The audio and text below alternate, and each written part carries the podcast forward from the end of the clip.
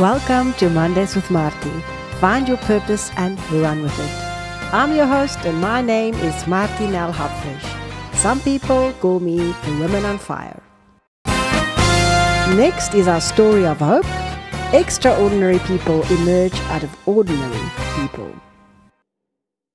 The next guest I want to introduce you to is very special to me. It's a group of women that have just decided that they won't let a drought get the better of them. So they started a group, Save the Sheep, to raise awareness for the drought in Sutherland and the Northern Cape. And it started with Sybil Fasagi crocheting the first sheep and selling it to the public to make them aware of the drought in Sutherland in the Karoo.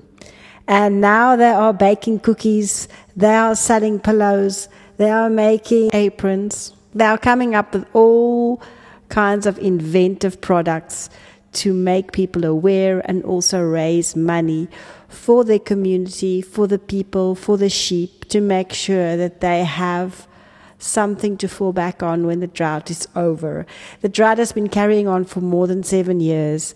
It's been a challenge, but these women, they are such an inspiration because they go beyond just the basics of surviving. They are thriving on creating new opportunities for the community to embrace what they have and send it into the world and create prosperity for their community. I asked Sybil Fasagi, one of the spokespeople for Save the Sheep, what projects they are busy with at the moment because they have a drought in the Northern Cape and they are trying to cope with that as well as the COVID virus and the quarantine that we're going through in South Africa. We are making masks. We are making cloth masks for the COVID 19 pandemic, which is hitting our country hard at the moment. We are trying also to use this project as a way to earn some money for the women, the farm workers, the farmers, our wives. This is a woman empowering movement to earn some money to alleviate the effects of the drought. We are trying so desperately to, to make sure that every farmer in the Northern Cape has got a plate of food every day on the table. This must have been a challenging question what is the best part of what you do at Save the Sheep? They are busy with a lot of projects in the Northern Cape, and I wanted to know how do they keep a positive spirit and what is the best part of what they do and achieve with their projects? The best part of what I do is success when I when I get it right.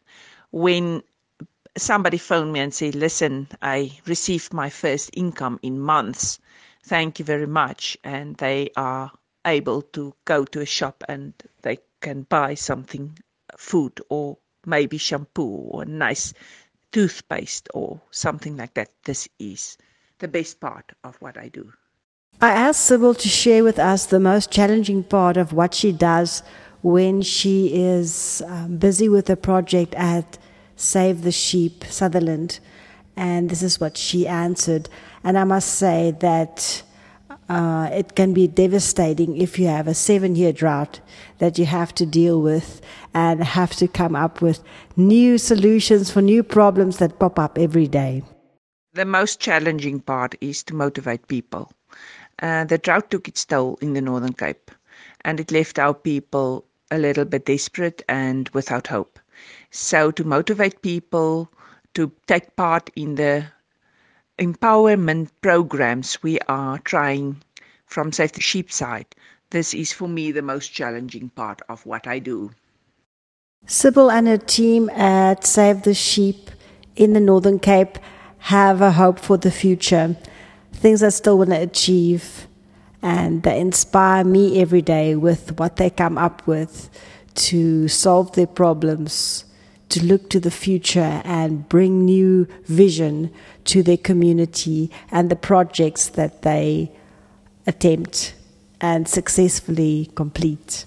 And this is something I am so proud of for them. And I hope that you will share their vision as well. My best wish for the future and what I really want to achieve is independence again, financial independence for every farmer in the Northern Cape.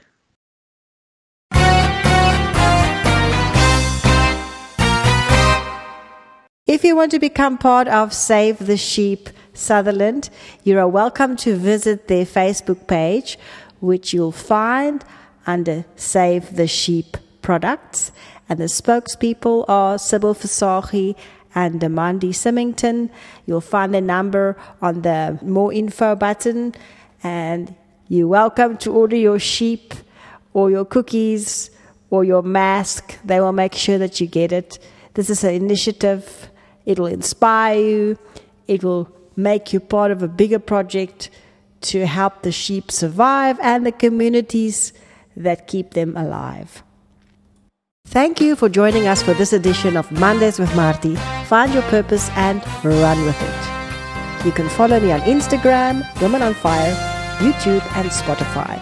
Martinel Hapfish Music. Or just Marty, Women on Fire.